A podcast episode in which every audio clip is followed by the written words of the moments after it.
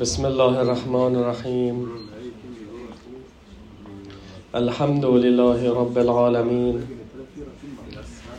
والصلاة والسلام على رسول الله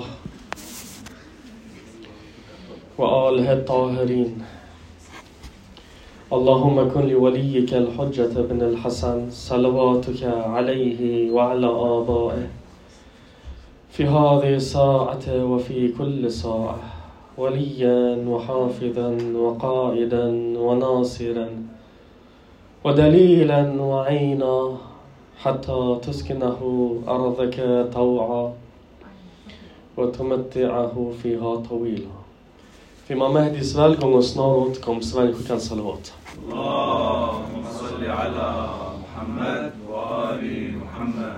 Vi är i månaden Sha'ban och vi är i de tre Nors välsignade, välsignade födelsedag. Imam Hussein Ali Salam, Hazrat Abbas Ali Salam, och Imam Sajjad Ali Salam som hans födelsedag var idag. Jag gratulerar imamen från oss alla. Och jag gratulerar er alla för dessa välsignade födelser. För imamens välgång väljer skicka en salawat. Till och med kameran gör sujud. Alhamdulillah, liven också gjorde sujud och salawat för oss. Eftersom det är månaden Sha'aban och det är salawatens månad och jag hostar. Minns ni vad ni skulle göra med jag hosta? Skicka salawat. Så, så fort jag börjar, det är ett tecken. Så den här hostan har följt med mig från Rajab, den följer med i Sha'ban. Kanske den börjar fasta med mig också i Shah Ramadan, vi får se.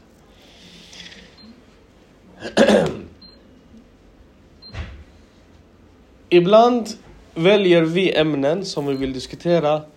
Ibland ämnen väljer oss och vill att vi ska prata om dem. Jag satt och funderade på ett ämne, detta var för en, två veckor sedan.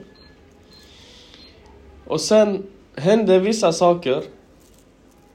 Däribland, det kom en fråga från en bror.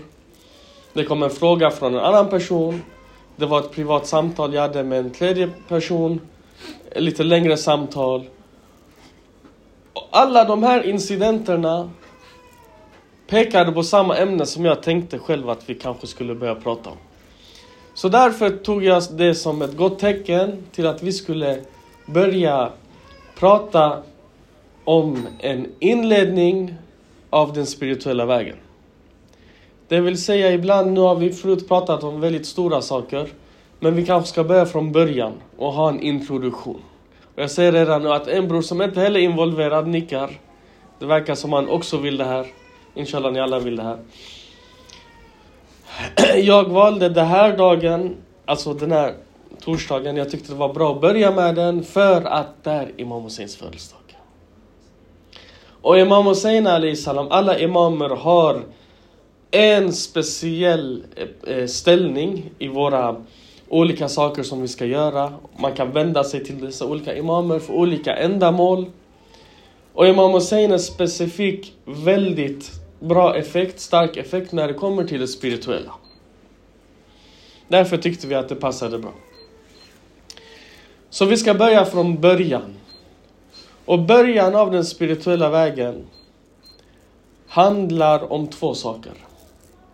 Den handlar om en sömn och ett uppvaknande. En sömn och ett upp, uppvaknande.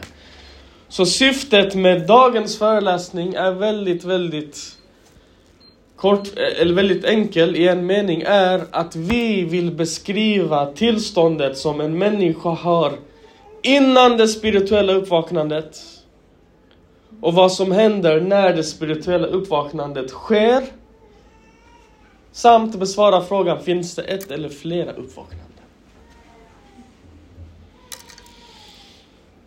om vi ska påbörja den här resan tillsammans, den behöver någonting. Vad behöver den? Ni ska inte säga det, ni ska skicka salam.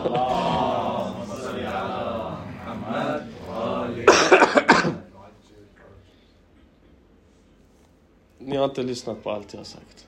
Vad skulle ni göra när jag hostade? Det var test. Det var test. Ni var i, vad kallas det? Vad kallas det? Den här har en term. Varför skickar ni inte salawat? Vet ni varför? Tack, det är vårt ämne. Ni var i rafla från det här enkla budskapet. Att när jag hostar, ni ska skicka salawat. Vi ska ta två hadiser och vi ska sätta ihop den. Och vi ska nå en slutsats. Som introduktion. Första hadithen säger Annas niyam wa idha matu anta- antabihu. Folk sover. Folk. Folk är den lägsta kategorin. Yani mu'minin, muttaqin, salahin, kafirin. Alla de här hamnar under kategorin nas. Eller hur? Folk sover och när de dör vaknar de. Det är hadis nummer ett. Hadis nummer två säger Mutu qabla an tamutu. Yani Döda er innan ni dödas. Ungefär. Vad betyder dessa två? Om man sätter ihop dessa två hadiser så förstår vi följande. Att just nu sover jag och när jag dör, en biologisk död, så vaknar jag. Det är hadiset. Hadis 2 säger att döda dig själv eller dödas innan du, bli död innan du dödas. Innan Israel kommer och tar din själ, du ska hamna i det tillståndet som en död människa hamnar i. Vilket tillstånd hamnar den döda människan i? Vakenhet. Med andra ord, vakna innan du väcks. Detta är bättre. Vakna innan du väcks. Ett exempel. Du ligger och sover. I den här sömnen som du har, en jättevacker dröm drömmer du. Du drömmer om en stor herrgård. Du har en stor trädgård i den här herrgården. Äppelträd, päronträd, fruktträd, tulpaner, rosor. Du har olika sorters bilar, hästar. I den här drömmen är du en borgmästare, du är en läkare, du är en tandläkare, du är en ingenjör. Du har ett gott liv, inga fakturor, inga skulder, ingenting. När du är i den här sömnen så kommer din familj, ger dig en örfil och väcker dig upp. Och du vaknar upp. Och din familj är ledsen. De säger ditt barn hostar blod. Och här är de, Kronofogden står utanför dörren och knackar på och vill inkassera dina fakturor som du inte har betalat. Och vi har ingen mat hemma, du måste gå och köpa mat. Och du måste... I det här tillståndet när du är där alla de här problemen, när du sov och drömde, fanns de eller fanns de inte? De fanns, men du var i, i rafla. Inte att de inte fanns. De fanns, men du kände inte av dem. Och sen vaknade du upp och du märker, vad jag är omgiven av? Skuld. Jag är inte en läkare längre. För jag drömde att jag var, jag är ingen ingenjör längre, jag är ingen snickare. Jag är ingen borgmästare, jag är ingenting. Jag sitter här, fattig, miserabel, tomhänt. Alla är arga på mig. Alla är sjuka. Det är bara problem, det är kaos. Jag är omringad av allt det här och jag visste inte för jag var i min dröm. Exempel nummer två. Du ligger på stranden. Bröderna blev glada. Beach 24. Du ligger på stranden. En tom strand, öde, solen i Sverige mashallah för en gångs skull. Denna dagen är jättevarm. Strålar på ditt vackra ansikte. Du ligger där och du har en roman i handen. En riktigt, riktigt bra roman. Kan någon nämna en riktigt bra roman som ni har blivit fullständigt absorberade i? Ingen som läser romaner? Böcker? Kemisten. Alkemisten av Paulo Coelho. Yes. Du sitter och läser Alkemisten av Paulo Coelho. Du är helt indragen i den här. Flera timmar går och du är helt omedveten om din omgivning. Och din lillebror eller ditt barn som lekte bredvid dig byggde sandslott. Sakta men säkert går längre och längre och längre och närmare, närmare, längre ifrån dig och närmare och närmare vågorna och havet. Plötsligt går in i vattnet, men du är så absorberad, du märker inte. Går in, går in, går in. Till sist, den ropar ah, ah, skriker och så vaknar upp och du märker att din lillebror eller ditt barn håller på att drunknar. Och helt plötsligt du springer, kastar in i vattnet och räddar det här barnet från att drunkna och du kommer ut. I det här tillståndet, du vaknar upp. Du har räddat ditt barn. Och samtidigt märker du att din kropp skriker av smärta. Vilken smärta? Du är solbränd. Från att ha legat orörlig i den varma solen. Varför kände du inte av att du blev solbränd? Varför? Rafla. Yani din fokus var i den här drömvärlden som du har gått in i. Förhindrade det solen att bränna dig? Nej. Förhindrade det ditt barn från att nästan drunkna? Nej. Men du var omedveten. Din fokus var någon annanstans. Du ska vakna. Det första spirituella det handlar om det är att vakna. Vakna från vad? Men jag är ju vaken ju! Du är vaken men du har inte fokus. Du är i rafla. Precis som du hade rafla från att skicka en salawat när jag hostade. Nu var det ett bra exempel för vårt ämne. Men du är i rafla från din verklighet. Det som kallas helvetet.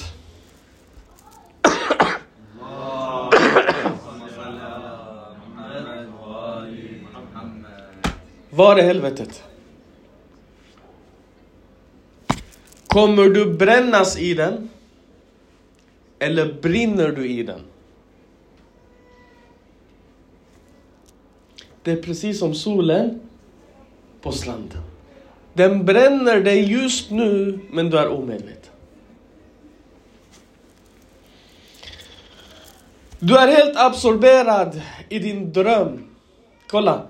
Du är helt absorberad i den och när du vaknar upp från den så märker du att ingenting av det var verkligt.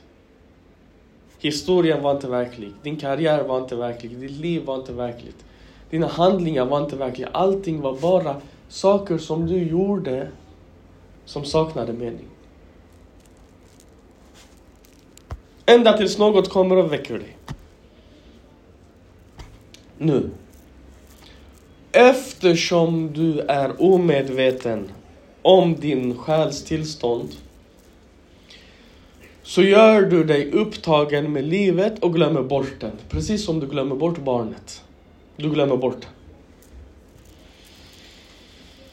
Men precis som barnet som först, du vet han är där, du hör honom lite grann, han mumlar och leker och sen han går längre. Du hör han, han försvinner längre och längre bort. Tills han börjar drunkna, tills han skriker. Dessa skrik kommer från din själ inom dig också. Till en början den varnar. Hallå, tänk på mig. Hallå, jag är här. Hallå. Sen den ökar volymen och ökar volymen och till sist den skriker och skakar dig inombords.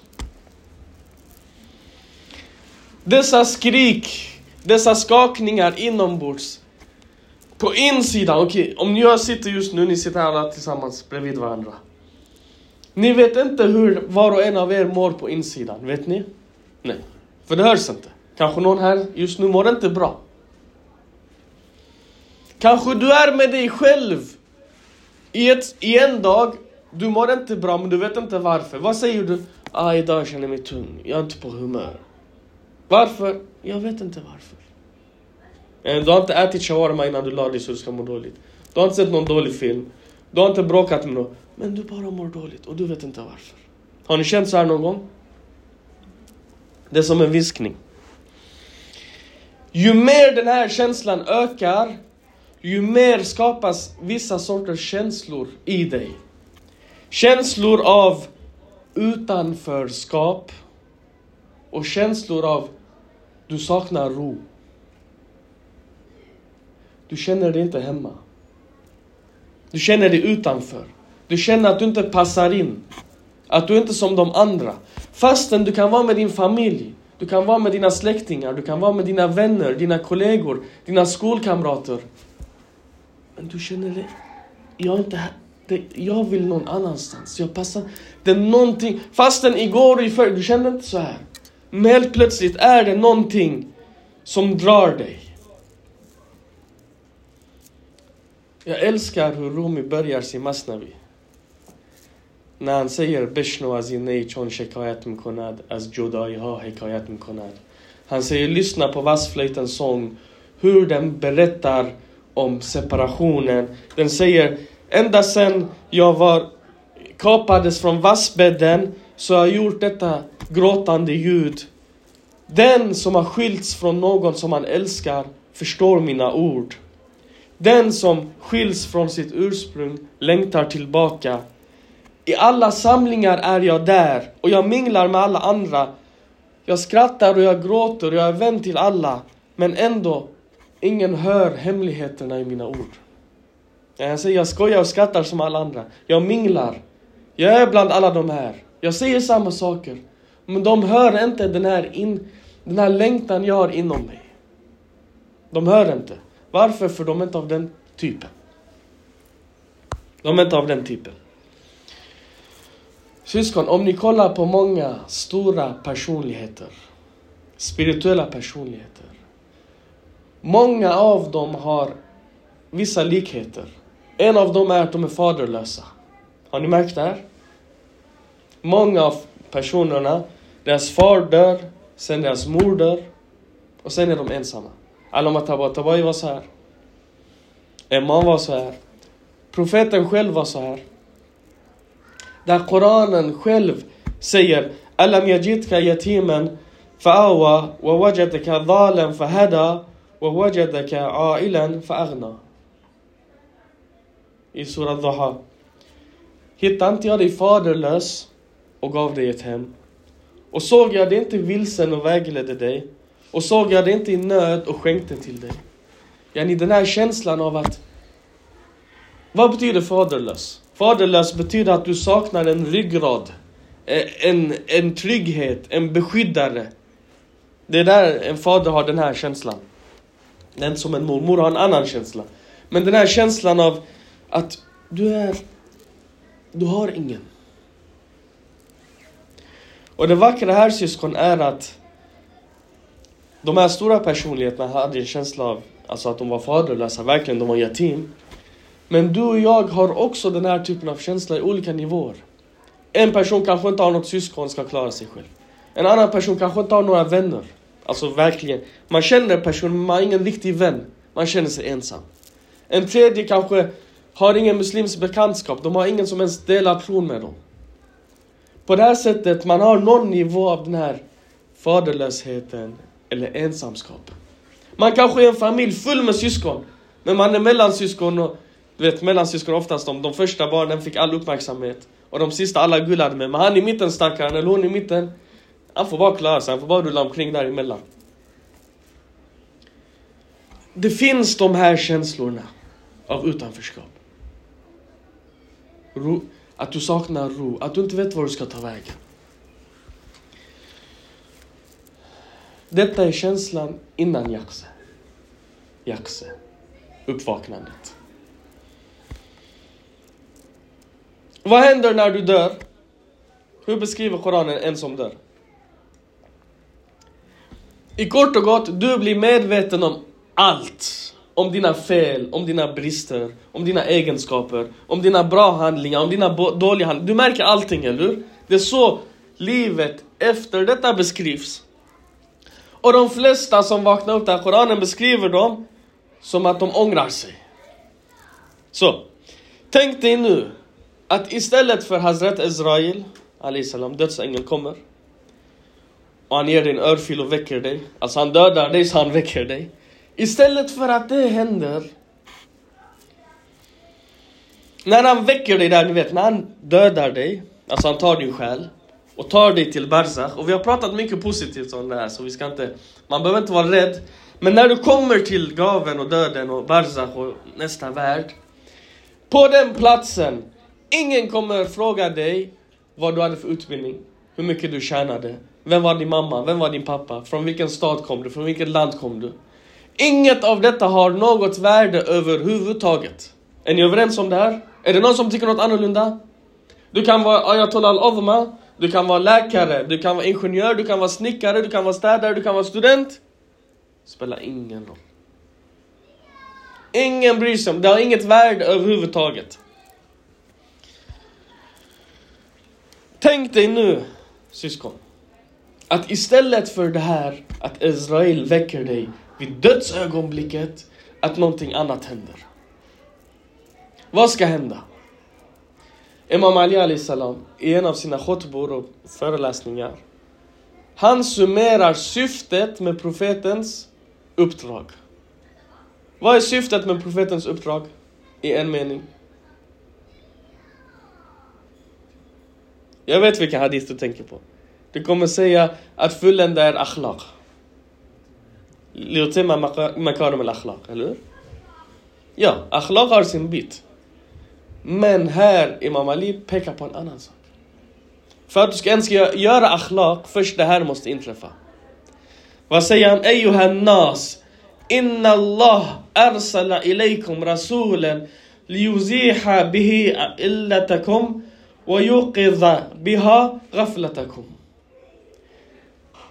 och folk, igen, nas. Jag är nas. Gud har skickat till er en budbärare för att ta bort era sjukdomar och ge er jakve. Jakve. Att väckas från vad? Rafla. Väckas från rafla. Detta är den första spirituella känslan som en människa får. Eller stationen, eller ställningen, eller makamen. Den kallas för jakve. Uppväcknande. Det är från arabiskan, att väcka. Hur sker den här jakve? Vad är förutsättningen för den? I början, nu den här som jag pratar om, rastlöshet och tro. I början den är mycket extremare. I början, när jag pratar om i början, jag pratar om den tiden, kommer ni ihåg alla innan ni blev religiösa? Kommer ni ihåg den? Ni, var ni brydde er inte, ni bara levde som muslimer. Kom och gick. Sen helt plötsligt, någonting hände i ert liv. Så ni blev jättereligiösa. Tog det på allvar, ni gjorde olika saker. Den typ av det. Men den stannar inte där, jag tar det som exempel. Den händer hela tiden. Plötsligt sitter du här 20 år senare, 10 år senare. Du ber, du fastar. Men du har den här rastlösheten. Du känner dig, var det här allt? Vad är meningen med mitt liv? Hur kan, svara mig där syskon, hur kan en muslim, troende som ber och fastar 10-15 år ändå bli deprimerad, få ångest? känna sig ner. Hur? För att de här spirituella har inte gett det resultatet som det ska. Kan en sån här person fortfarande få jakze? Ja. Hur händer den? Ni vill veta hur? Antar jag?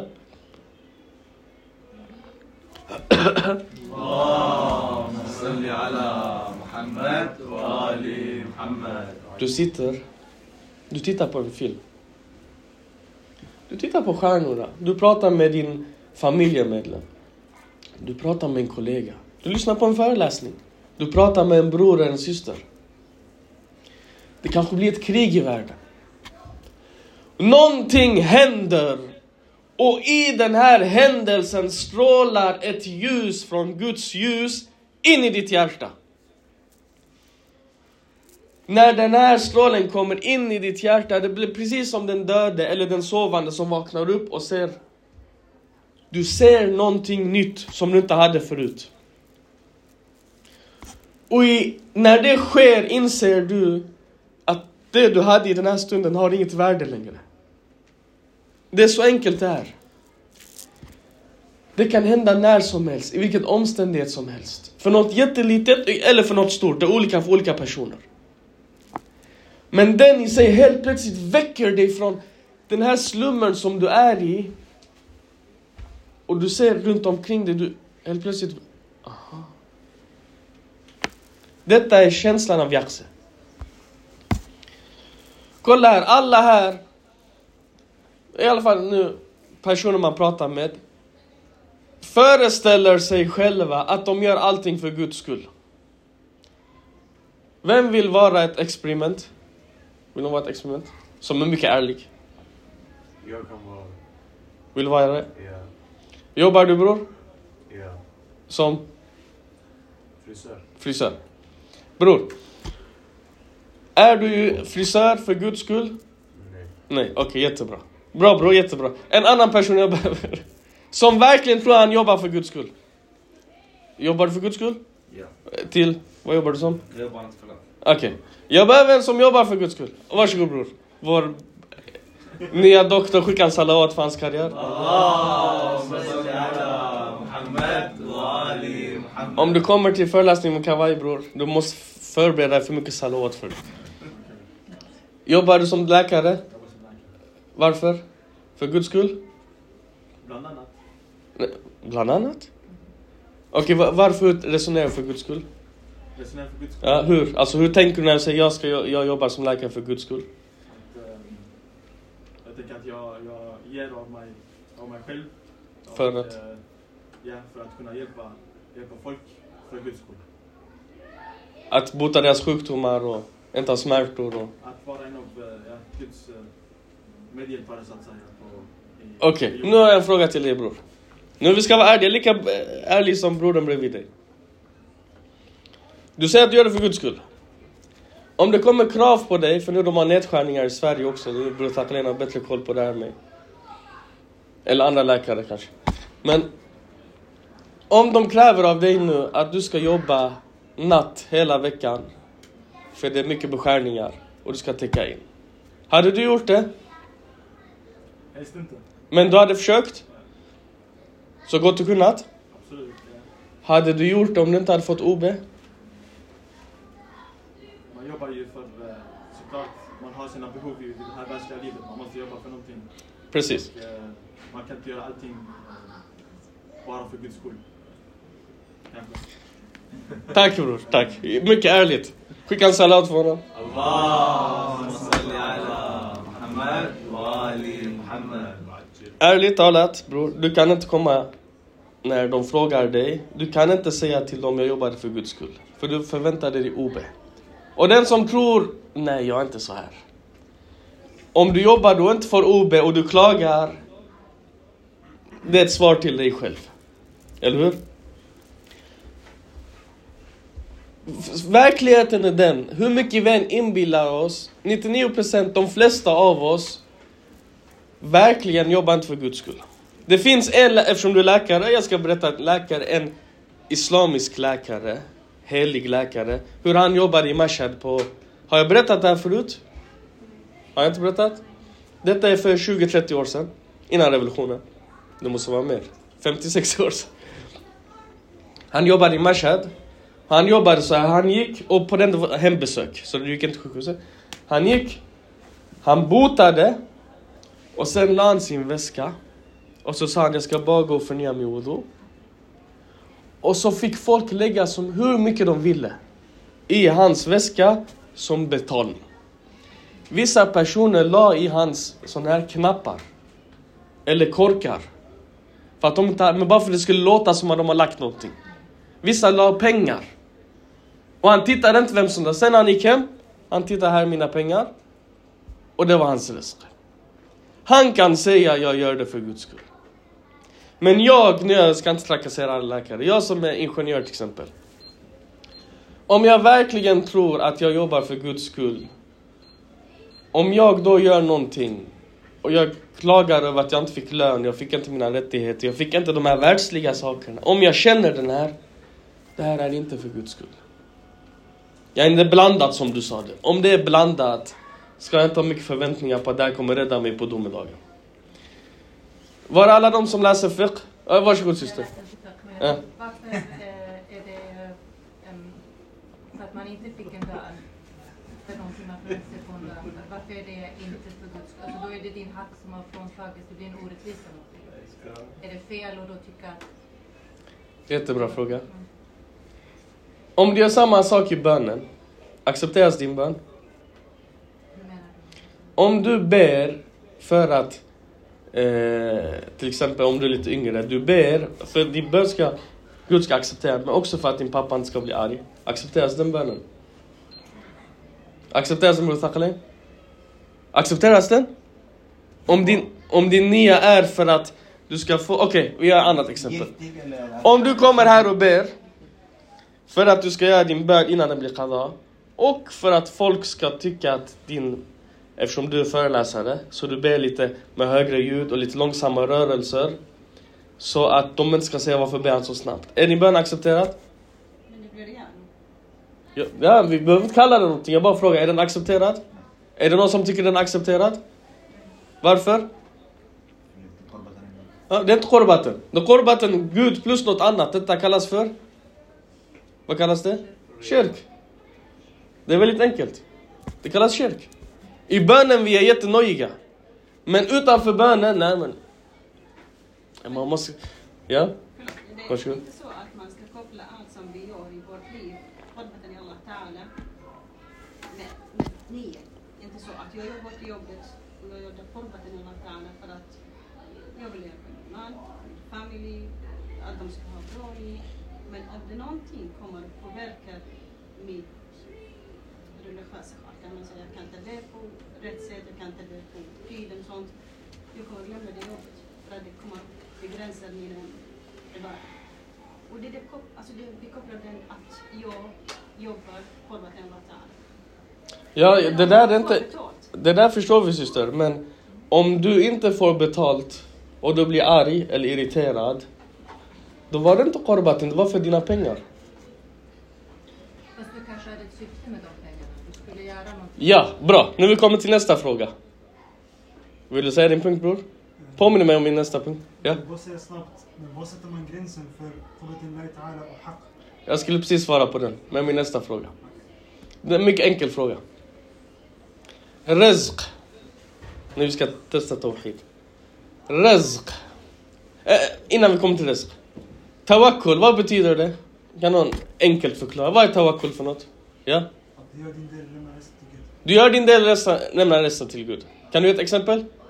Till exempel, plugga till en tenta, du har gjort din del, det är hos Gud sen. Något annat exempel? Kopplat till rizq, vi pratar om rizq nu.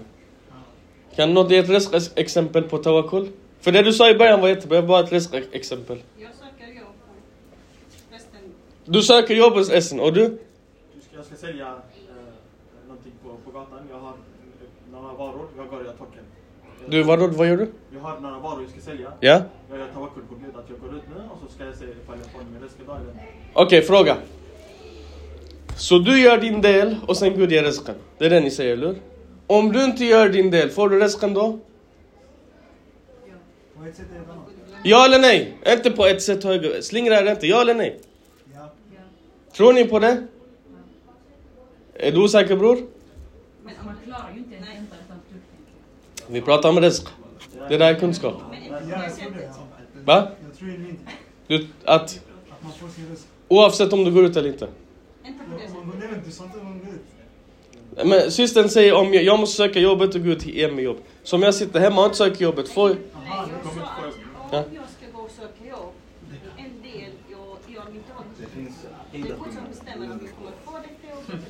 Jag förstår. På persiska vi säger asto harakat, as khoda barakat. Eller hur? Du rör dig, Gud ger dig. Ah, okej, precis. Min fråga här är om du inte rör dig, ger inte Gud dig? Okej, okay, Okej, då har jag några frågor. Får jag ställa mina frågor? Spädbarnet som bara ligger där. Vad har den gjort för att den ska få sin mjölk? Nej, den behöver inte gråta. Gråta är sista stadiet. Väntar du till Zeinab gråter varje gång du ska ge henne mjölk? Ja, även om du säger inga tecken. Men det är inte myndigt barn. Det jag bryr mig inte om det är ett myndigt barn, vi pratar om röst. Vad är det saken är? Det är myndigt. Det är mamman som tar hand om. Jag förstår, men spädbarnet i sig. Den existerar så de behöver något. Vem ger den röst? Gud stoppar in kärlek i mammas hjärta och skickar henne. Eller hur? Om mamman dör. Må Gud bevara alla mammor. Om mamman dör. Gud är fortfarande Razak. Var kommer den rizqen ifrån? Har den gjort någon harikat så den ska få någon barakat? Varsågod bror. Har inte barnet mat för att den har en själ? Vi vet att den är värdefull. Vi gör saker som är värdefulla. Vi vill inte att det ska försvinna för den har ett värde. Ingenting har mer värde än ruh. Men den gör ingenting själv. Fortfarande har värde. Det har ett jättestort värde Jag, jag vet den har ett värde, jag säger inte att den inte har värde. Fortfarande, så säg att, säg att eh, jag har en elev exempelvis. Och han har inte gjort någonting till mig. Men han studerar och jag ger honom pengar. För jag vet att det finns potential i honom. Ja, du gör det. Men det, samma sak med kunskap. Kolla. Ni sa att man måste plugga för att få kunskap. Okej? Har ni aldrig sett en person sitta så här och ni går fram och bara säger någonting till den personen och säger ah, det visste jag inte. Har ni aldrig gjort så där förut? Har ni gjort det eller inte? Jag har själv gjort sådär. Säkert, det behöver inte vara något religiöst, det kan vara något Fifa 24. Visste visst du du kan göra så här? Aha. Eller hur? Han gjorde ingenting, han pluggade ingenting. Är det sant det jag säger eller överdriver jag? Han har pluggat. Nej, jag vet att han har pluggat. Min poäng är den att vi inbillar oss. Det är en nivå, jag, säger inte, jag vill inte ifrågasätta nivån. Det är en nivå, vi har lärt oss att du måste plugga och jobba och du måste göra en haraka och Gud ska ge dig en baraka. Men vi glömmer att Gud ger dig en baraka alltid. Jag förstår det, jag förstår det. Han förstår, jag vet bror. jag såg på honom, ja varsågod bror. Om man säger att om du gör en haraka, kanske du får en annan baraka. Kanske om du inte gör en haraka, du får en lägre baraka, ingen alls. Bror, jag har en fråga. Jag är inte Gud, jag vet inte. Vi har en hadis som säger att om en person, det är två affärer, nu är vi avvägt från ämnet, ursäkta alla online. Men detta är viktigt, det tillhör ämnet också för det hamnar under rafla. Det hamnar under rafla. Två butiker mitt emot varandra. Okej? Okay? Broder Mahdi och Broder Sajjan, ni har varsin, eh, eh, Äh, Hussein. Mitt emot varandra. Du måste säga till din bror att komma, det. Ni är mitt emot varandra, okej? Okay? Ni båda öppnar klockan åtta. Skicka salat. Allahumma salli Broder Mahdi säger imorgon ska jag gå upp klockan sju för att jag ska få mer eh, kunder. Enligt hadithen, Sajjad kommer få den kunden som är skriven honom fastän du kommer tidigare. Det är inte jag som bestämmer. Så är det. Ja? Ifall jag inte går till, går till sjukhuset och jobbar i sjukhuset så kommer jag få min röst oavsett. Kommer jag få min, min. Varför går du till eh, jobbet? Det är det här. Vi går inte, kolla. En vanlig muslim går till jobbet för att han jag ska göra haraka, Gud ska göra baraka och det ska vara tawakkul och det ska vara allt så här. Men en salek går till jobbet av obodia. Yani det är fult av honom att inte gå till jobbet. Av respekt till Gud. Inte att han tror att hans jobb kommer ge honom lön. Förstår du vad jag menar? Kan du bara säga det hadisen sa igen? Vilken av dem? Den, eh, den eh, senaste du sa. Den med exemplet med de... Hadisen säger att om två eh, butiksägare, om den ena går tidigare än den andra för att få mer risk, så kommer han fortfarande få den mängden av risk som Gud har skrivit. Och även om det kommer en kund som kom när, den andra som öppnar senare kommer fortfarande få den kunden som var skriven av honom. Det kan till och med vara så att han kommer dit och han ser den ena öppen men han ändå sitter och väntar på att din butik ska öppna så han ska gå och köpa från dig. Ja bror? Men om du överhuvudtaget inte kommer till butiken, han har inte möjligheten att komma till din butik. då Då ringer han dig, för det finns Facebook Market, det finns Blocket. Har ni inte sålt någonting bara sådär? Har det aldrig hänt? Utan lägga ut en... Ja, vilken fin jacka du har bror, jag ger dig 100 kronor kan jag få den. Varsågoda, varsågod bror. Det finns en, liknande hadith från Imam Ali al-Islam. Och den säger att om du inte tar emot din risk som ni får så kommer knacka din dörr och komma till Ja, jättebra hadis. Hörde ni den? Nej. Säg den igen högre bror. Bror säger att om du inte har fått din risk så kommer den knacka på din dörr och komma till dig. Nu är jag kortfattad. Ja bror? Ska bara, så som jag har förstått det. Oavsett ifall du gör haraka eller inte, din röst kommer till dig. Och då pratar vi röst från Gud. Eller hur? Och Gud är en. All röst kommer från Gud. Okej? Och röst som kommer från Gud är halal. Eh, så alla människor som har mat på bordet, det är endast och endast för Gud. Och vi har inte bara läkare som vår bror här, som gör det för, li, en liten del av det, det är Gud. Okej? Vi har en, folk som är, har alltså, väldigt många, jag, jag tror du förstår vad jag menar. Och hur hänger det ihop? För att komplettera en sak bara. Alla som har pengar är inte risk. Men ämnet var ju haraka och baraka. Ämnet var kund.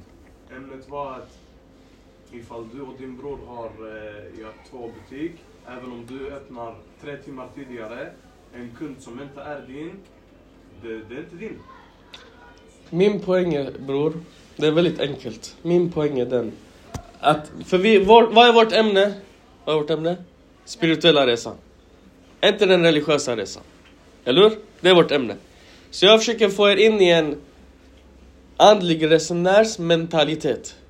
Hans mentalitet är inte att jag ska gå och jobba och jag ska få risk och det är jihad fisabilillah så jag ska få lite pengar. Men om jag inte får mina pengar så blir jag irriterad, jag blir arg på min arbetsgivare, jag klagar på mina kollegor. Det är inte en, eh, en Saliks mentalitet. Hans mentalitet är att Gud har sagt att jag ska gå och jobba så jag går och jobbar, jag kommer tillbaka, jag är en abd.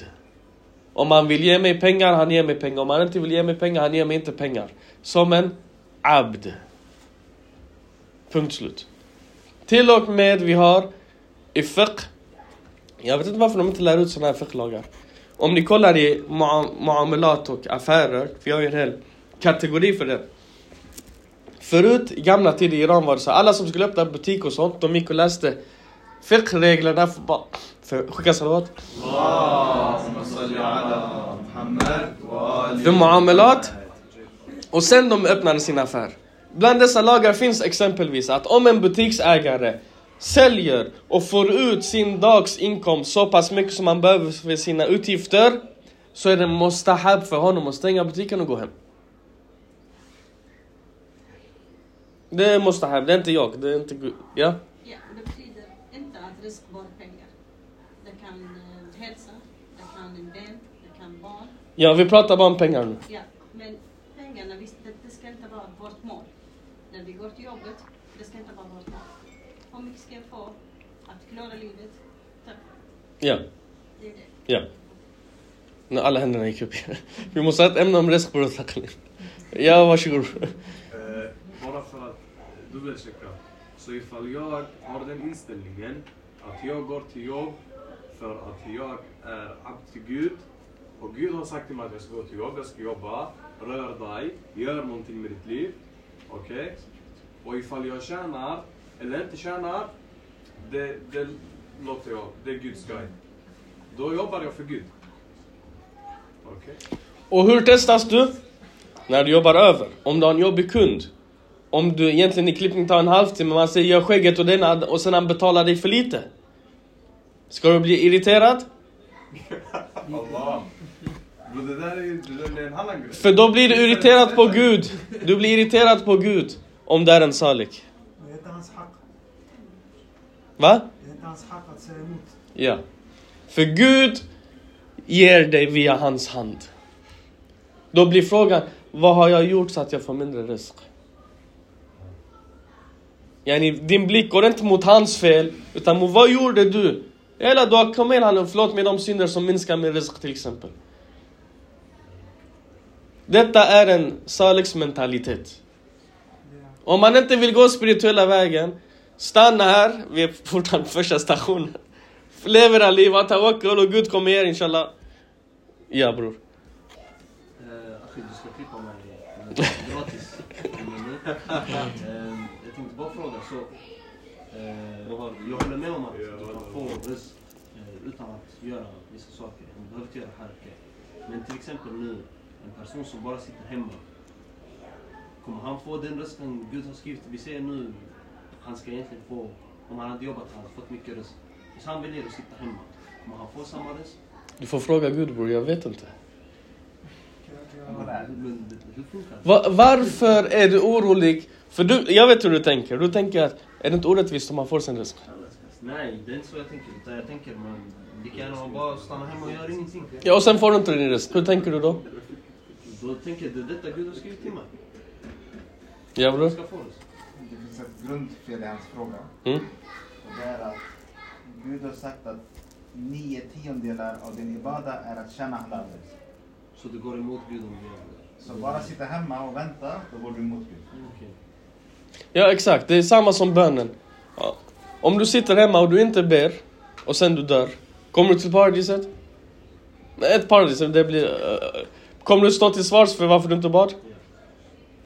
Men kommer de acceptera dina böner, det är en annan femma, eller hur? Men det, det blir en blockering ju. Det är därför jag säger det, din mentalitet är att du går ta'abbudan. Detta är ta'abbudan. Ja bror? Så bara förstå det rätt. Så tankesättet är att om jag får, till exempel som brodern här. Om jag inte får betalt för att jag klippte någon, alhamdulillah. Om jag får betalt, alhamdulillah. Ja, i båda, sätten, i båda fallen alhamdulillah. Du har lagt din prislista. Yani, ärligt talat, vad tar du för en klippning bror? 400 kronor. 400 kronor. 300 kronor? 350. 350, yani 400 alltså, om vi ska gå dit. Har du skrivit en prislista? Ja. Okej, då skriver prislista. Bror, ärligt talat. Om nu jag kommer och klipper mig hos dig och du klipper mig. Jag säger bror, nej, nej, varför är det så här dyrt? Ja, ja, ja. Här du får 300 bara. Är det värt att, yani, om du ska tjafsa med mig och den huvudvärken du får och det ena och det andra för 100. Är det värt det i slutändan? Nej. Ja, det är din hack, jag tog den. Men är den värd att kämpa så mycket för? Nej bro, det vi gör när någon kommer, om de inte alltså, utgår ifrån våra villkor, så klipper vi ut dem med. Ja. Du är inte tvungen att klippa honom. Nej. Det är hans risk också, att han ska få en ny frisyr.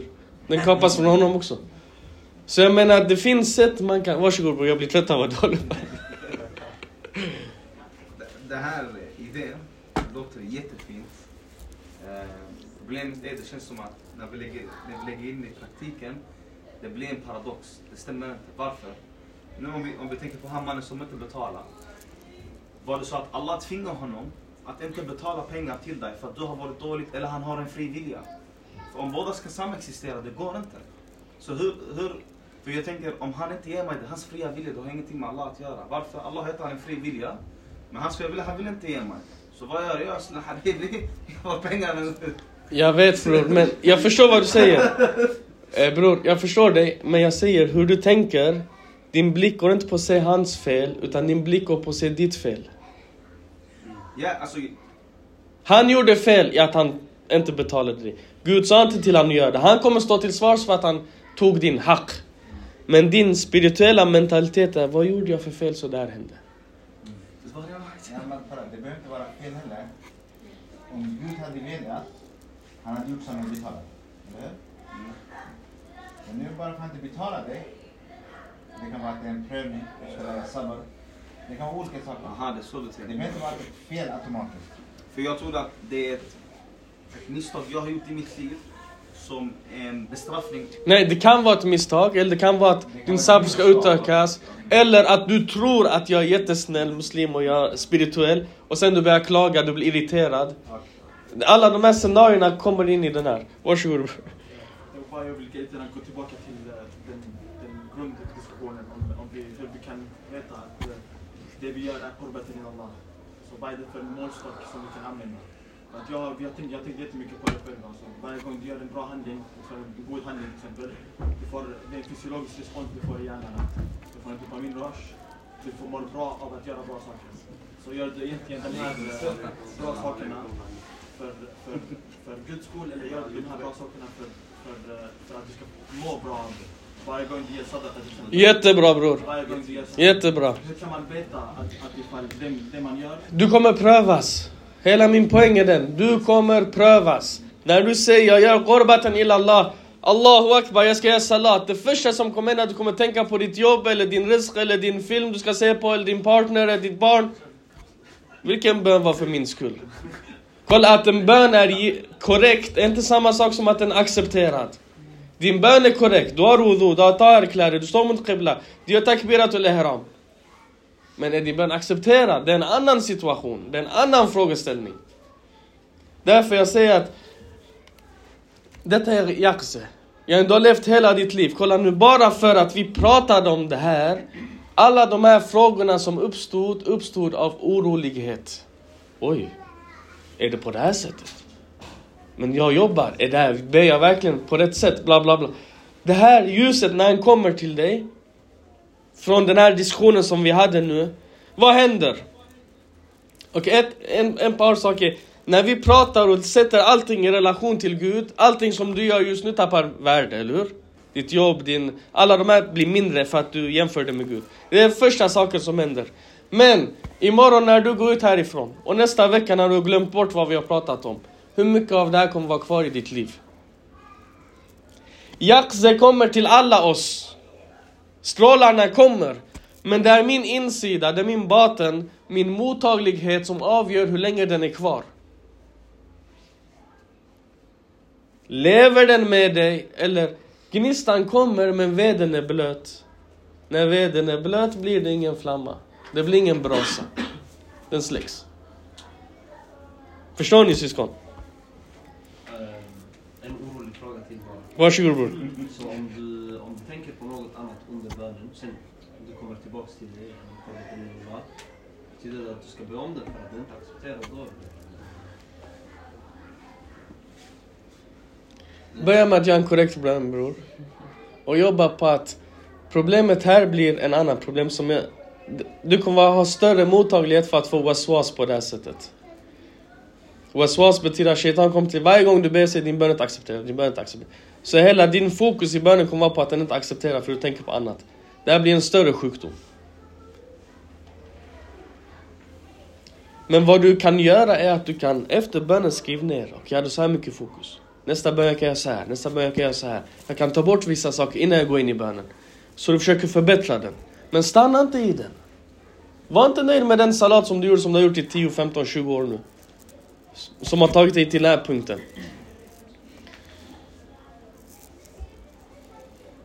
Imam Hussein Ali salam i Dua Arafa, han har en jättefin mening. Han säger أنت كهفي حين تعيني المذاهب في سعتها وتضيق بي الأرض برحبها Han säger du är min grotta till Gud. Du är min grotta när vägarna med dess vidd pressar mig och marken med dess bredd kväver mig. Om det inte vore för din nåd skulle jag varit bland dem som förloras. Yani när du känner den här känslan av ghafla och sen du vaknar upp, någonting händer i världen och du, är det här allt? Så här. När du känner den här kvävningen och ångesten och rastlösheten och eh, utanförskapen och du vet inte var du ska ta vägen. Imam Hussein säger, du är min grotta. Men jag springer till dig. En sak som pratas mycket om bland de spirituella är khalwa, ensamhet. Okej, det stämmer. Alla våra imamer var bland folket, de jobbade, de arbetade, de var kalifer. de... Men ändå, profeten innan han blev profet, var var han någonstans?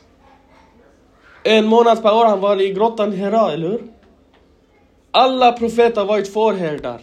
Profeten Moses alayhi salam. Moses var tio år fårherde för profeten Ayub.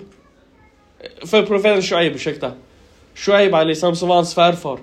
Han fick andligt program, tio år han var med sina får ensam. Maria, Maryam alayhi salam. Flera år i sitt lilla rum i Quds, i, masjid, i moskén där i Jerusalem. Under observation av Zakaria alayhi salam. Var för sig själv. Yani alla de här spirituella har, det är det som händer när du känner dig utanför, ensam, som en främling. I alla de här situationerna. Du behöver en ensamhet med din Herre. Så att du bygger upp så att det här ljuset får fäste. Sen du kommer bland folket. Annars du kommer förintas. Den driver dig bort från folk. Så att du kan komma tillbaka till folk upplyst. Imam Hussein Alisam i Dua Arafa igen, den är jättelång dag. Om ni kan, läs den bara. Ni behöver inte recitera den som en dua. Läs den, den finns på svenska på dua.se. Läs den som en artikel. Läs den. Han säger så här. Han går igenom flera profeter, han kommer till den här, han säger Åh han som besitter vänlighet, som aldrig begränsas, och han som bestämde och tillskrev och riktade karavanen till profeten Josef i ödelandet, förde honom ut ur brunnen och gjorde honom till kung efter att han var slav. Josef, vad gjorde han i brunnen för att han skulle få den risken han fick? Ingenting. Gick han och sa här är jag? Han satt i brunnen. Som 7-8-åring. Då Arafa Imam Hussein säger att Gud riktade karavanen mot hans brunn. Och tog ut honom. Från, han såldes till slav, som slav från slav, han blev kung. Vad är brunnen för någonting i det här vi pratar om? Vad är brunnen? Dunja, jättebra. Dunja, den här världen som jag byggt upp för mig själv. Den är mörk, den är trång. Och vem är Josef? Vem är Josef? Vem är det? Säg det. Min själ. Det är jag. Josef är jag, det är min själ. Han sitter fast i den här brunnen. Gud kan ta ut mig härifrån. Från slaveriet och göra mig till en kung. Detta är den spirituella resan. Detta är Yaqze. Du kan inte styra över Yaqze. Du kan inte styra över den. Precis som du inte kan styra över solen och dess strålar. Du kan inte styra över den. Eh, jag ska göra jaksen nu. Det är inte så här. Det funkar inte på det sättet. Gud skickar. Det är hans nur som kommer till dig, till din kalb. Det enda du kan göra, är kan göra två saker. Och jag ska avsluta föreläsningen. Två saker kan du göra. Den första...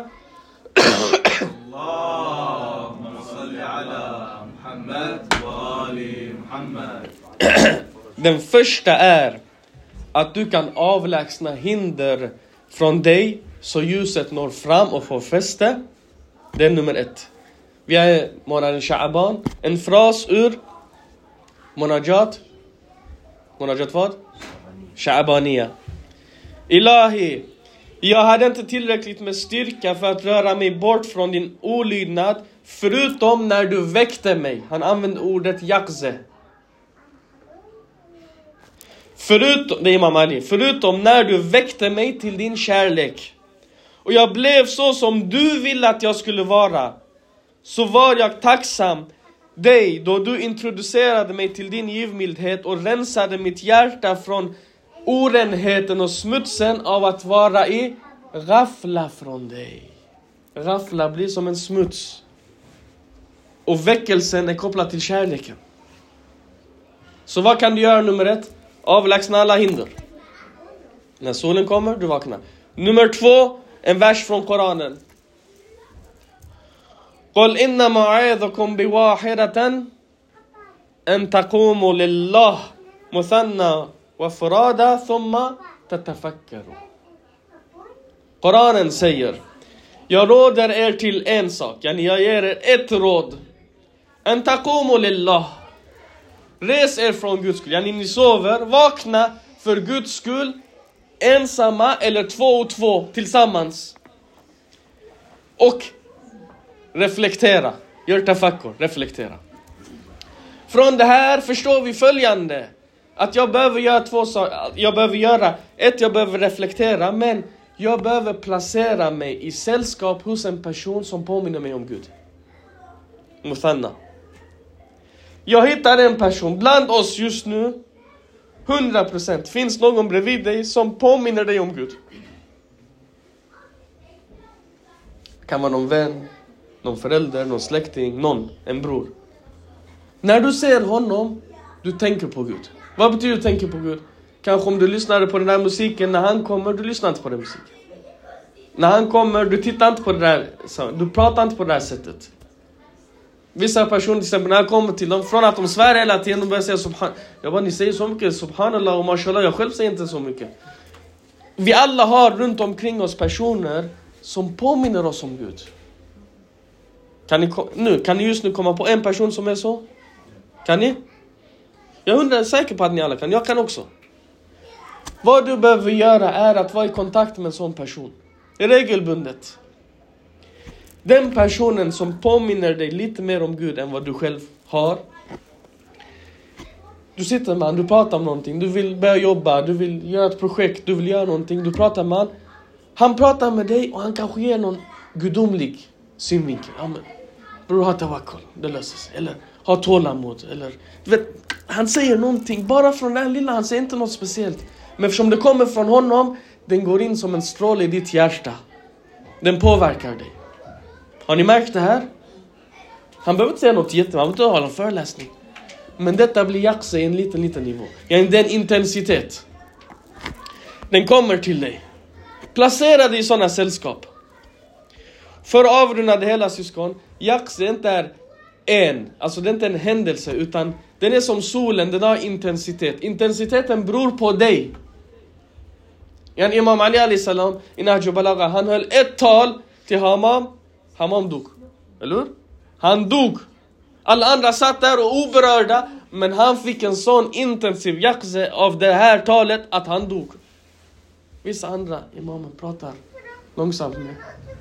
Imam Hussein i Karbala, så många tal han skrek, han höll. Folk lyssnade inte.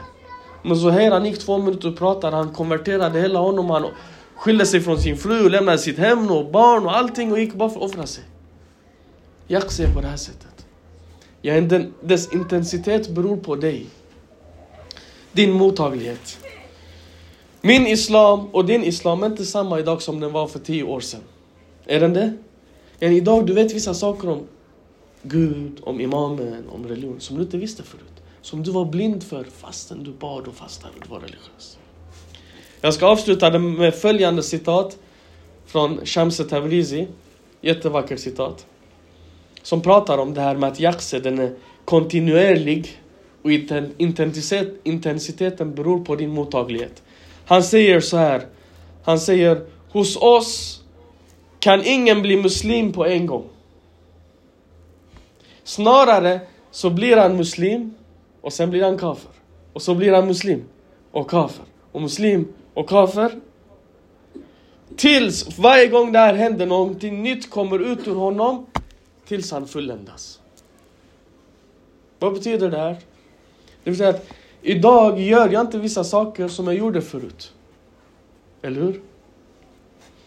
Ja, nu idag, igår kanske jag tyckte att ja men det är inget fel med att en person ber och fastar men sen sitter han hela dagen och bara tittar på Netflix och TV, spelar tv-spel. Eller hur? Men idag har jag en nivå där jag tycker att det här är slöseri med tid. Och den här slösin med tid, okej en viss nivå behövs av fritid och så vidare men idag är den nivån att de tio timmarna kanske idag räcker med tio minuter. Yani, den i sig för mig blir som en synd. Inte att den är en synd men idag i mitt tillstånd, det här är som en dålig sak för mig att göra. Igår jag gjorde tawakkul och jobbade. Idag jag säger, jag är en abd. Gud vill av mig att jag ska jobba och jag ska ha sabr. Och jag vill, för att jag vill nå de spirituella stationerna. En- Det förändrar hela din syn. När den förändrar din syn, den av... Yani det som i, idag var tawhid, imorgon är kyrk. Och på det här sättet, du reser och reser, du rensar och rensar och rensar och rensar tills du blir alldeles ren. Fullbordat, kamel. اللهم عجل لوليك الفرج والحمد لله رب العالمين والسلام عليكم ورحمة الله وبركاته اللهم صل على محمد وآل محمد.